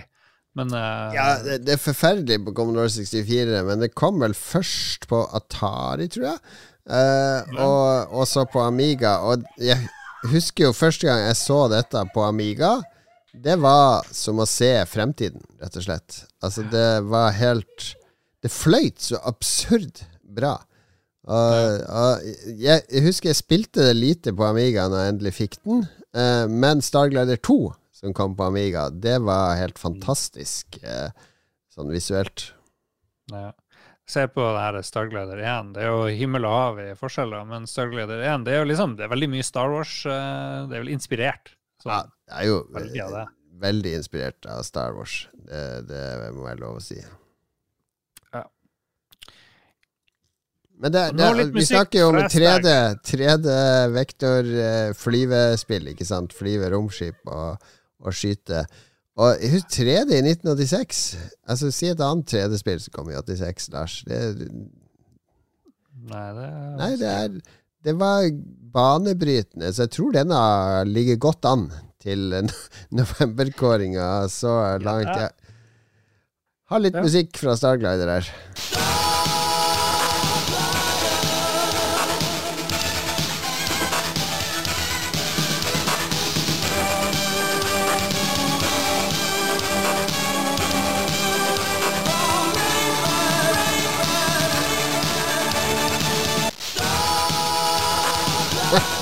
Det er fantastisk. De, du, du Synd du ikke hører musikken nå, men det er jo en sample, hele musikken, av et rockeband som synger Starglider from Rainbird, Rainbird, Rainbird. Eh, jeg lurer på om Starglider var liksom en av de spillene jeg så reklame av i sånne datablader, og så bare så det så sinnssykt Ja, det var veldig mye reklame for både det og toeren, hvis det er lov å si. Det er lov å si. Ja. De var flinke på reklame, mest fordi de visste jo ikke noe særlig av selve spillet, liksom. Ja, men hvor, hvor skulle vi ellers få lære om spillene, ikke sant? Det var jo ved å bla i spillblader, og de spillene som ikke spillbladet skrev om, de kunne man jo, utgiverne, kjøpe seg reklameplass.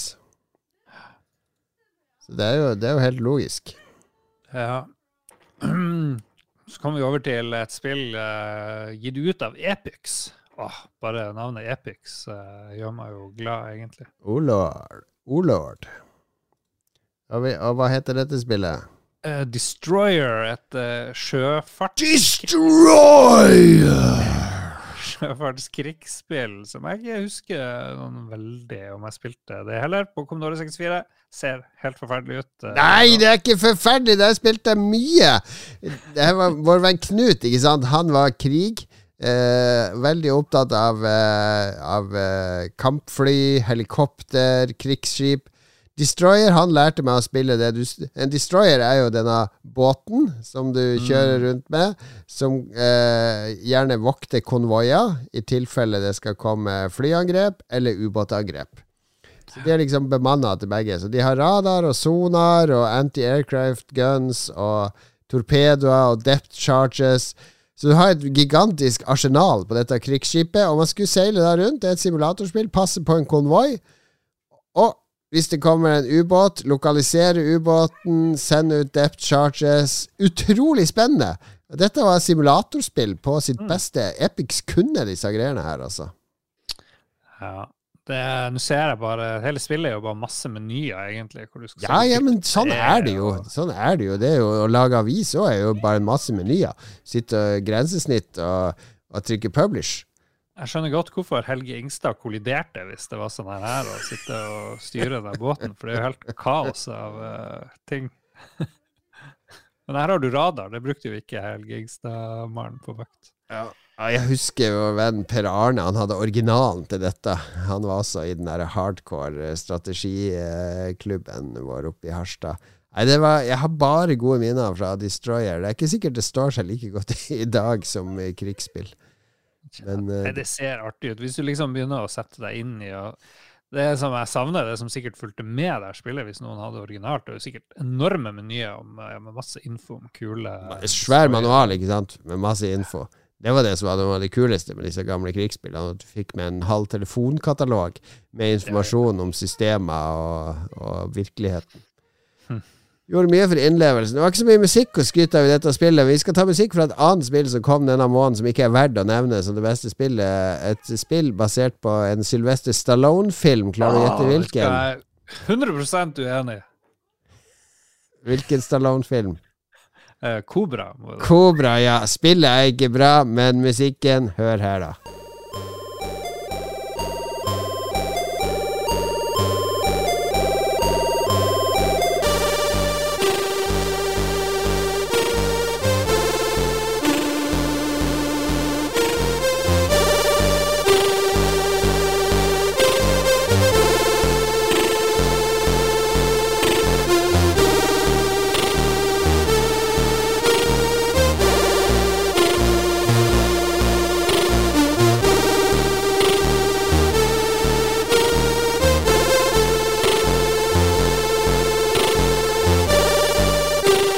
Ben Daglish på sitt eh, vakreste, kanskje? Det er så sykt bra musikk. Vi må jo kunne nominere spill bare basert mot musikken, for det er jo ikke sånn at de andre spillene nei, er forferdelig bra, liksom. Min spalte, mine regler. My way or the highway. Ja, ja, ja. Ett spill igjen. Et spill igjen. Light Force. Lightfoss på Commandore 60, 64 med musikk av Rob Habard. Ja, du, det, her får vi lov å ha bra musikk eh, med i spill. Ja, ja. Det er jo fordi spillet også er ganske bra, da. Er det det? Er det bra? Ja. Enda en shooter, scrolle-shooter. Vertikal skraller, Greg Follis og Roy Carter som står bak det. Selskapet deres Gargoyle Games. Eh, som Ja, de lagde egentlig ganske OK spill. Light Force, Tirna Nog, eh, Shockwave Rider. Mye OK der. Mye OK. Ja. Er det litt sånn delt at eh, Eller er det bare skyting? Det er bare sånn fly og skyte? Det er bare skyting. Eh, Rent skytespill, og eh, gjør det det skal gjøre, ganske bra, uten at uh, bringer sjangeren videre, kan vi si. Det er sånn 1942 aktig, er det ikke det? Ja, er litt uh, Jeg må jo innrømme, det er jo mest musikken som gjorde at du tok med Det, dette Kobra er jo minst like bra som den driten her. Nei da. hør her, da. Light Force, mine damer og herrer. Light Force. 7 minutter og 15 sekunder var det denne.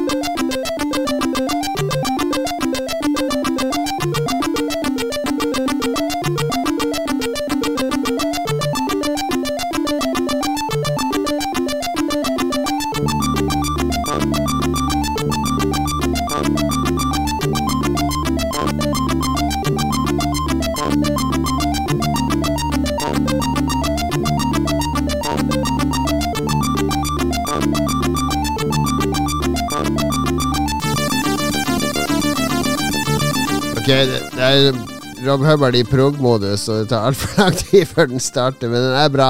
Søk den opp, folkens. Eh, fantastisk. Jeg måtte sette på her sjøl, sånn at jeg fikk høre.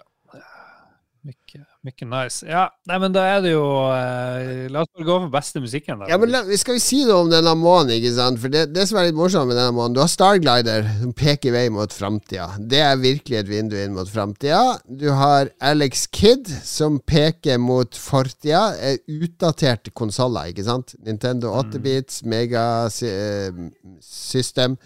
Begynner å å se ikke helt bra ut. Du har Rolling Thunder, som er moderne arkadespill, som er, som du sa, du så på 64-versjon. De begynner også å trekke fra datamaskinene. Så vi, vi står nå ikke sant, ved et generasjonsskifte. Amiga er rett rundt hjørnet. Eh, Super Nintendo kommer om et par år. Eh, Megadrive kommer om et par år. Så vi står ved slutten av en generasjon, og vi ser litt mot, eh, mot fremtida. Ja.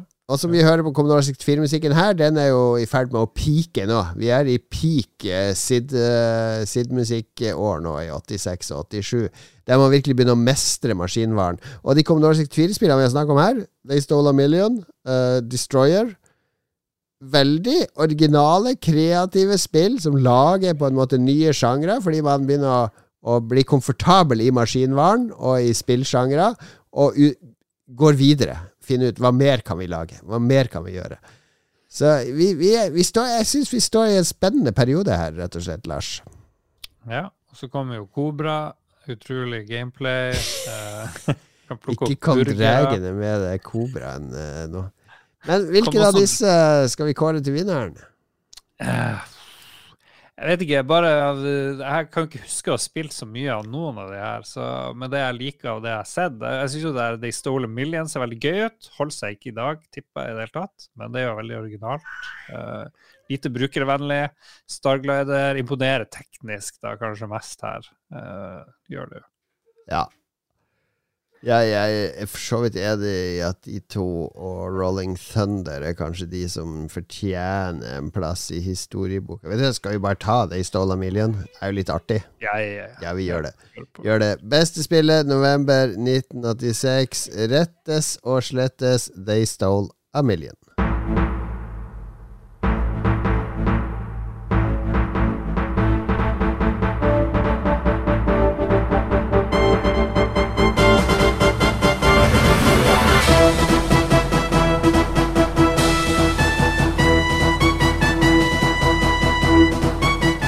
Vi har jo en sånn plan om å holde disse episodene under en time, Lars. Men uh, selv når vi er bare to, så klarer vi ikke det. Nei, vi sliter hvis vi skal få unna anbefalingen og lytterspalten. Ok, anbefaling. Min anbefaling denne gangen. Jeg har nesten slutta å se på TV-serier. Jeg ser bare på reality. Nei da. Ja, men jeg har en sånn serie som jeg og kona har oppdaga. Av en eller annen grunn så klikker den med oss, og det er 71 grader nord Team. Ja. Eh, fordi eh, Du har nevnt det, det er de jegertvillingene. Jegertvillingene er et lag Jeg har nevnt det før, da. Og nå har det gått så langt at jeg faktisk vil anbefale dem. Fordi jeg snakka om det med kona mi i går kveld, når jeg hadde egentlig holdt på å jobbe med ting hele helga og var utslitt og trengte bare å se noe kos. Og den er utrolig kos, fordi det er fire team ikke sant, med to på hver som konkurrerer mot hverandre. Men de er så snille med hverandre. De, det er så feel good, fordi vanligvis så, Sånn som Farmen nå, det har jeg aldri sett. Men jeg leser jo Du kan ikke unngå, hvis du åpner en nettavis, at det er et eller annet drama på Farmen.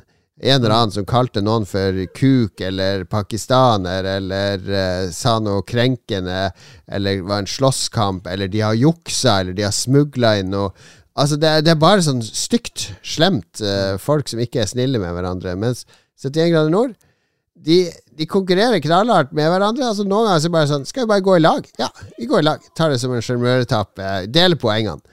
Og hjelpe hverandre. Hele tida hjelpe hverandre. Altså Alle lagene der er så fine. Jeg har blitt så glad i hele gjengen. Jeg har ordentlig blitt sånn gubbe på 50 år som sitter og blir glad i reality-deltakere. De Jegertvillingene, nydelige, to nydelige damer. Uh, hun Fiskeren fra Nord-Norge og han Frank Løken Jeg trodde han Frank Løken var verdens største kuk. Uh, han håndballspilleren. Mm. Kjempefin fyr! Og så er det to hockeyspillere. Tenkte jeg, herregud, her er det neandertalerne som skal inn og ugg-ugg og bare bruke muskler. De er så flinke til med teambuilding og bygge opp folk og backe folk. Herregud, for noen to sympatiske folk. Mm. Og så har du Alejandro Fuentes og Jorunn fra Idol, som vi kjenner de fra. Som liksom er de litt treige, ikke så sportslige. Men de er så morsomme sammen. Laidback Alejandro og, og Jorunn som stresser med alt mulig. De er som et ektepar på tur. Ja, dette er Dere har naila dette, TV Norge. Discovery, whoever. Det er så feel good. Jeg blir så glad av å se det.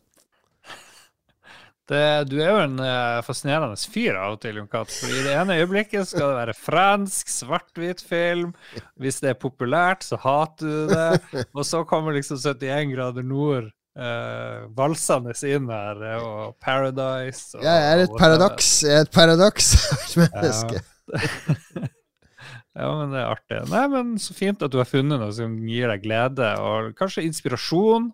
Uh, i livet. Ja, men jeg blir jo inspirert av å se folk være snille med hverandre og tenke på hverandre og backe hverandre, selv om de egentlig konkurrerer. Og så tenker jeg i alle disse støyen i alle kommentarfelt i alle saker som skal bli polarisert, og enten er du for oss eller mot oss eller ditten eller datten, eller alt er drama til enhver tid, så man, kan det være noe inspirasjon å hente her, faktisk.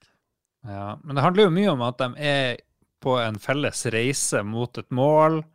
Uh, alle er kjent i utgangspunktet, de har ikke så mye å tape, egentlig. Uh, så det er jo det er ganske lett å bli venner. Det er som å se alle i 'Mesternes mester' klare seg fint i lag, liksom. Det, det ja, men 'Mesternes mester' er ikke det samme i det hele tatt, fordi der uh, Utfordringa der føler jeg der har alle noe å selge. Eh, Mesternes, hver episode av 'Mesternes mester' Den inkluderer en uh, eh, 15 minutters lang reklamefilm for den utøveren som skal selge foredrag og bøker og klær. Mm, og det, det, er en sånn rar bismak med det. Fordi det blir, jeg blir ikke kjent med folk Du får ikke se de folka når du er nede i kjelleren, sånn som du får på 71 grader nord. Og det er da du får se liksom det sanne fjeset. Du får bare se de sitte og kose seg rundt middagsbordet og spise taco og, og mimre tilbake til gamle dager. Det, det gir meg ikke så mye. Ja, jo da, det, du har gode poenger, men mitt hovedpoeng er jo at uh, det er enklere å bli gode venner hvis man er i lag. Hvis man er ute og gjør noe og må gjøre noe fysisk eller noe sånt. Ja. Så har du det helt motsatte, som er å sitte på hver sin skjerm på sin mobil. Litt misfornøyd, dyr strøm og alt det der. Og så skal man sitte og hakke på noen uh, som man ikke aner hvem er, og drive og slenge drit og være frekk. Det, ja. det er jo Dessverre er vi jo så spredd fra hverandre. Så den sam samholdet i Norge Det er jo ikke rart USA går opp i liminga. ikke sant? De har jo ingenting til felles lenger. Nå sitter alle og Ja, de kinesiske ballongene. Ja. ja. Nei, så alle bør på tvungen 71 grader nord, det er mitt poeng. Ja. Ah, ja. Tenk hvis vi to kunne vært et team. 71 grader nord-team. Ja. Hmm. Det er bare å ringe TV Norge. Er... Jeg, skal ta, jeg skal få det til. Vi er klar. Da står det igjen. Make it right. so. Da skal jeg anbefale Jeg hadde en par jeg kunne velge mellom. Men siden vi er på TV-seere, det var liksom ikke lov å anbefale TV-seere noen episoder, men nå er det tydeligvis lov, så da hiver jeg inn og anbefaler noe på Netflix. Eh, alle har hørt om 71 grader nord, veldig få har hørt om Physical 100. Som er jeg sånn... ikke unngå å legge merke til det, for hvis jeg går inn på Netflix og scroller ned, så står det noe sånn der photoshoppa eh, bodybuildere eh, Mm. Et eller annet har de gjort med lyset der, for de har fått det til å se ut som noen sånne hulkenmonster, disse bodybuilderne. Ja, nei, Koreas sterkeste mann er med. eh, dansere, alle som er liksom Nord-Koreas eller Sør-Koreas sterkeste Jeg mann? tror dessverre bare Sør-Korea, altså. Men Han har ikke sjans mot Nord-Koreas sterkeste mann. Det er Kim Jong-un. Han, han tar 600 kilo i benkpress hver morgen. er best. Ja, det har jeg også hørt. Nei, de har fått alle liksom, som er litt kjent, uh, og som er litt fysisk, til å samle 100 av dem til en sånn Squid Game-sak. Såpass. hvor, uh, hvor Og det er jo sinnssykt mye folk. Hele episode, første episode er nesten bare introduksjon av alle de her menneskene. Og det, det som er imponerende, det er jo at alle ser ut til å være i psyko god form. da. Og så er det hvem klarer å vinne når det virkelig blir kamp eh, mann mot mann, kvinne mot kvinne, ulike fysiske hindringer. Og det er ganske brutalt. En av øvelsene er at det er en ball i en arena, og så er det den som holder den ballen etter tre minutter, har vunnet. Så de begynner jo å slåss og herje og styre på. Det er ikke lov å slåss ordentlig, da, men det, de er veldig, veldig brutale. Så det er liksom en av de her eh, eh, greiene. Og så er det litt artig. Du får jo se historie om noen og den her vanlige reality-greia, men det, det er koselig. Det er en del sånne asiatiske spin-offs fra Squid Game. For det, det er også en som heter Run for the Money, har jeg sett. Der uh, celebrity contestants desperately try to outmaneuver black-clad hunters in pursuit. Så det, de blir jakta på ute i virkeligheten av menn Men in Black, som prøver å ta dem Ja. eh, for pengepremie. Ja, det er jo en enorm pengepremie i TV-serien Squid Game, og her er det òg ganske heftig. Du vinner 2,4 millioner kroner, tror jeg. Førstepremien var 300 millioner won. Så det, da gir man jo gjerne. Så Det det er ikke det beste som finnes på TV, men uh, veldig artig å sitte og binge. Alt skal ikke være det beste. Alt skal ikke være det beste hele tida. Ja, så her eh, du er den myke Jon i dag. Det it down. Jeck it down, de forventningene.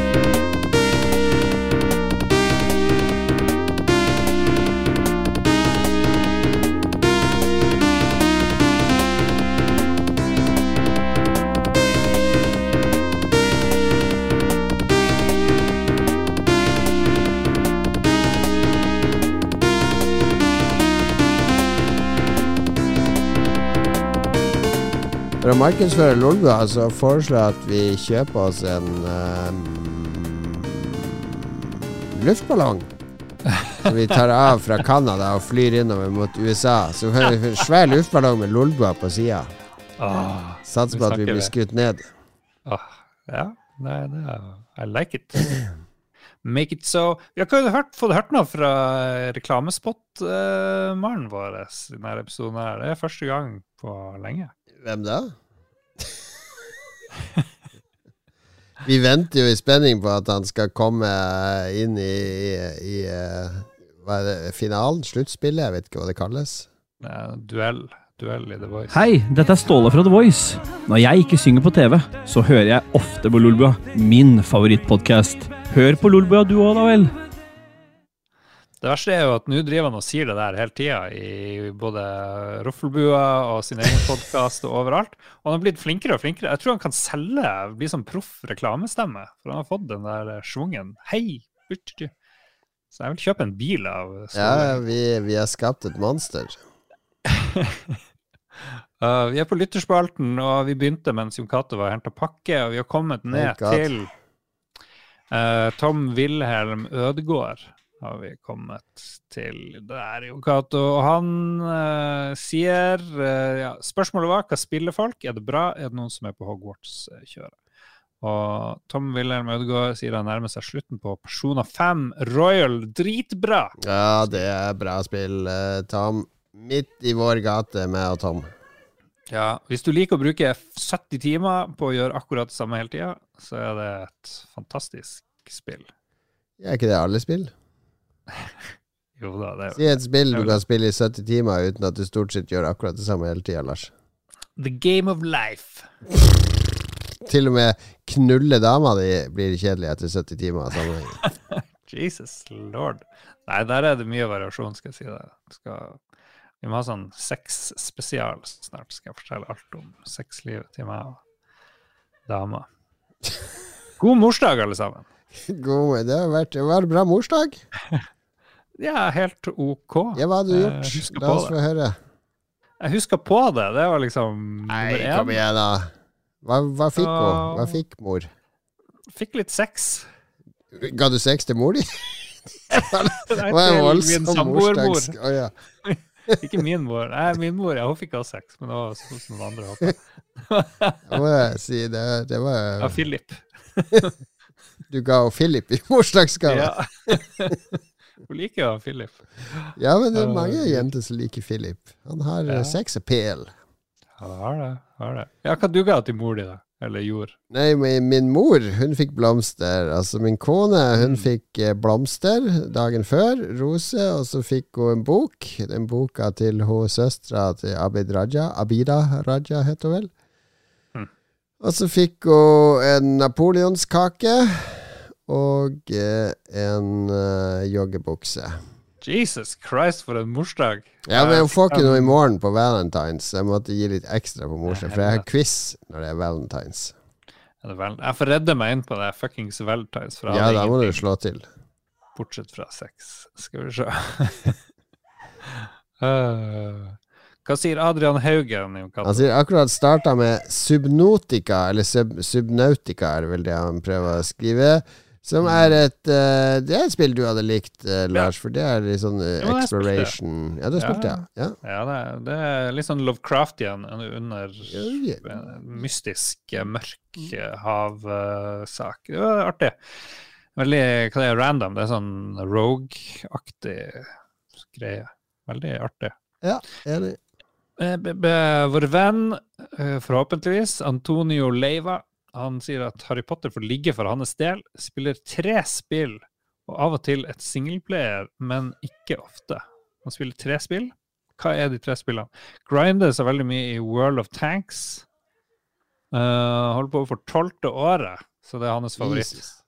Ja, ja, ja. Så går det mye i League of Legends og Apex. Da har man ikke tid til så mye annet. Jeg vet, Ja. jeg vet. Det er et problem. Ja. World of Tanks, altså. Ja, peis på. Mm, Trond- Sinfor Borgersen, hva er det han deler bilde av? Jeg kjenner ikke han der. Nei, det er uh, p- p- p- et multiplayerspill. Er ikke det her noe sånn zombiegreier eller et eller annet, ser det ut som? Hva faen. Nei, det er jo vel uh, PubG, kanskje? Ja. Å ja. Hm. Mystisk. Sikkert PUBG. PubG. Stian. Mæland han koser seg med Hogwarts Legacy og noen runder med Rainbow Siege Six Siege innimellom bleieskiften. Ja, der ser du. Skifter bleie på seg sjøl mens man spiller uh, uh, Hogwarts Legacy. Det er et spill for babyer, dette Harry Potter-spillet. Uh, Det er bra du klarer å skifte bleie på deg sjøl, Stian. Det skal du ha. Magnus Eide Sandstad han eh, spiller fremdeles PubG, mens Martin, eh, Martin Pettersen han kjører på med noe sånn tysk nazi-hyllespill som heter God, Aces of the. Luftwaffe. Ja, Aces of the Luftwaffe Squadron. Ja. Ser ut som det er noe ufo inni bildet. her. Ja, det ser ut som en uh, tysk uh, ufo, faktisk, som kommer med masse lyn rundt òg. Altså, Frihetsgudinna bak, så de har tydeligvis angrepet USA. Mm. Ok, Aces of the Luftwaffe, sjekk det ut. Eh, Johannes, din gode venn uh, fra nord, han spiller noe som du har spilt, Lars, nemlig Chained yeah. Echoes. Hvis man også dear. bare liker Final Fantasy eller Krono Trigger litt, så anbefaler jeg dette på det aller varmeste. Han Tom Wilhelm er helt enig. Ja. Nei, Chain Echoes virker veldig bra. Soloutvikla, det liker vi bestandig. Av en tysker. Eine German Per Søvik Galtvort Yes, er- verscheinende Echo, som det heter på tysk. Gud Das verlenkede ekko. Veldig, alt blir bra på tysk. Alt liksom. blir bra på tysk. Uh, han, per Søvik spiller Harry Potter. Uh, Galtvort er hans Hawaii. Herr Potter und Galtworts Legasiar! Som det heter på tysk. Uff. Marius Haugskog ikke er. Fallout 76. Uh, sier du det, altså, Marius? Fallen Sie bitte aus! Seks og syven! Uh, så spiller han litt Marvel Snap og Siv 6 og Warhammer Total War 3. Achtung, Marvel! som det heter på tysk. Achtung Marvel, faktisk. Ja, Snap er eh, engelsk for Achtung. Ok. Eh, og så er jeg veldig spent på hva Karsten Pettersens spill The Hunter Call of the Wild er på tysk. Der Jeger Villmarkskallen, bitte! Ja, det tror jeg du er helt rett i. Hvorfor dra ut i naturen når man kan spille et spill hvor man er ute i naturen og Ein dreper spill. dyr? Ein spiel. uh, Anders Bye spiller Darkwood. Der dunkle Wood. Dunkle Wood. Ja. ja Dunkle Wood. Uh, René B. Lindberg, han har kjøpt Formel 1 2022. Formel 1 22! uh, Terje Johansen spiller Warzone 2.0. er krigssone, Achtung Himmel, schnell, schnell! Svei! Audun Selsvold spiller Vampire Survivors. Äh, die große Vampir-Survivalisten! Ja, og vi er heldigvis ferdig snart. Eh, Markus Storm Dalseg spiller Kingdoms New Lands. Eine Kongereiche, neue Land, bitte, Vaterland, Vaterland, Lebensraum. uh, Kurt Arne Strømmen eh, spiller På Mame spiller han Shinobi. Shinobi! Uh, Vegard Lindland uh, spiller Hogwarts Legacy. og Etter 20 timer så begynner han å bli lei uh, av å være i en evig tutorial. Ja, jeg har sagt navnet på den. Ja, og han eh, Alexander Selsvik han spiller òg eh, Hogwarts. Solid RPG, perfekt for Potter-fans. Objektiv terningkast 5, subjektiv terningkast 7. I helvete hvor mye kommentarer det var i dag her. Jesus lord. Kristoffer uh, Getteboys Hansen Leistad. Kjerringa har runda 50 timer i Galtvort akkurat nå, sier han. Mm. By the way, får vi en Harstad-propaganda i løpet av episoden som kommer, sånn siden Leroy har bursdag når episoden slippes. Det stemmer! Holy shit, er bursdag når episoden kommer, Jon Cato. Hvor er min gave? Eh, Jeg visste ikke at du hadde Du har ikke rund dag, har du det?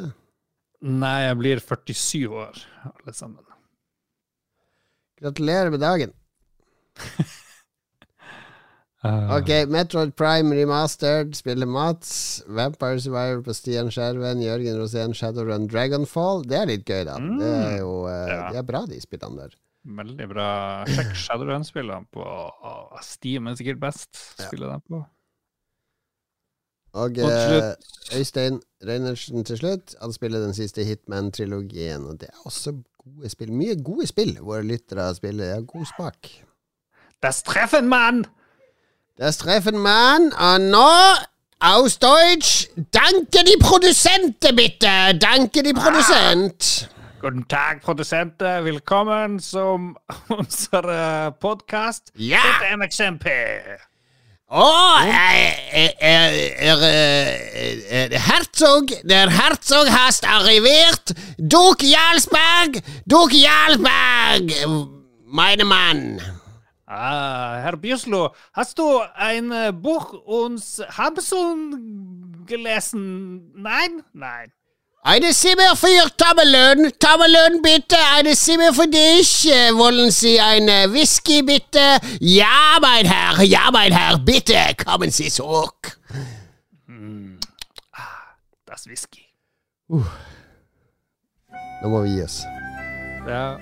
Vet ikke helt hva som skjedde der. Nei, vi ble desperate etter å sprite opp et eller annet på slutten her. Fordi vi kan jo faen ikke sitte og prate i 1 time og 40 minutter om ufo-teorier og donuts og 71 grader nord. Jeg fatter ikke at noen hører på det her.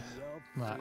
Det er vel Men vi er glad for at dere hører på. Så vi, si, si, fortell oss åssen vi kan bli bedre, for jeg føler vi bare graver oss lenger og lenger ned i et sånn kaninhull, der vi bare sitter og prater til hverandre til slutt.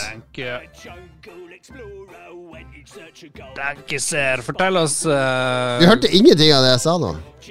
Nei, jo, jeg hørte bare den der at folk må si fra. Det var det. Ja, fordi vi, vi er Jeg og du vi er ferdig å grave oss lenger og lenger ned i sånn hull. Der vi bare sitter og prater til hverandre uten at vi har noen som helst eh, impression av Er det noen som faktisk hører på det eller har interesse av det. Ingen som hører på. Nei. Jeg, til og med jeg blir lei av oss uh. Ja, dritlei. Men nå er det snart hyttetur. Jeg gleder meg til å kanskje se det. Jeg vet ikke. Det er jo en stor spenning knytta til om eh, hvor mange vi blir. Vi får se. Hva- Eh, kokken må ha et svar denne uka pga. handling. Jeg skal være så mye borte nå fremover. Vet du. USA i over en uke og sånn her. Det- er vanskelig å komme seg av gårde. Men jeg prøver. Jeg skal gjøre mitt beste. Ja, Kanskje jeg bare lyver og sier jeg må på noen sånne møter. Så bare drar jeg. Gjør det. Si at det er jobb. Vi skal jo spille inn episode. Ja, god idé. Takk for at du hører på. Ha det bra. Be free at sea and join our shanty. Hei, dette er Ståle fra The Voice. Når jeg ikke synger på TV, så hører jeg ofte på Lolbua, min favorittpodkast. Hør på Lolbua du òg, da vel. Har du et enkeltpersonforetak eller en liten bedrift? Da er du sikkert lei av å høre meg snakke om hvor enkelt det er med kvitteringer og bilag i fiken, så vi eh, gir oss her, vi. Fordi vi liker enkelt. Fiken superenkelt regnskap.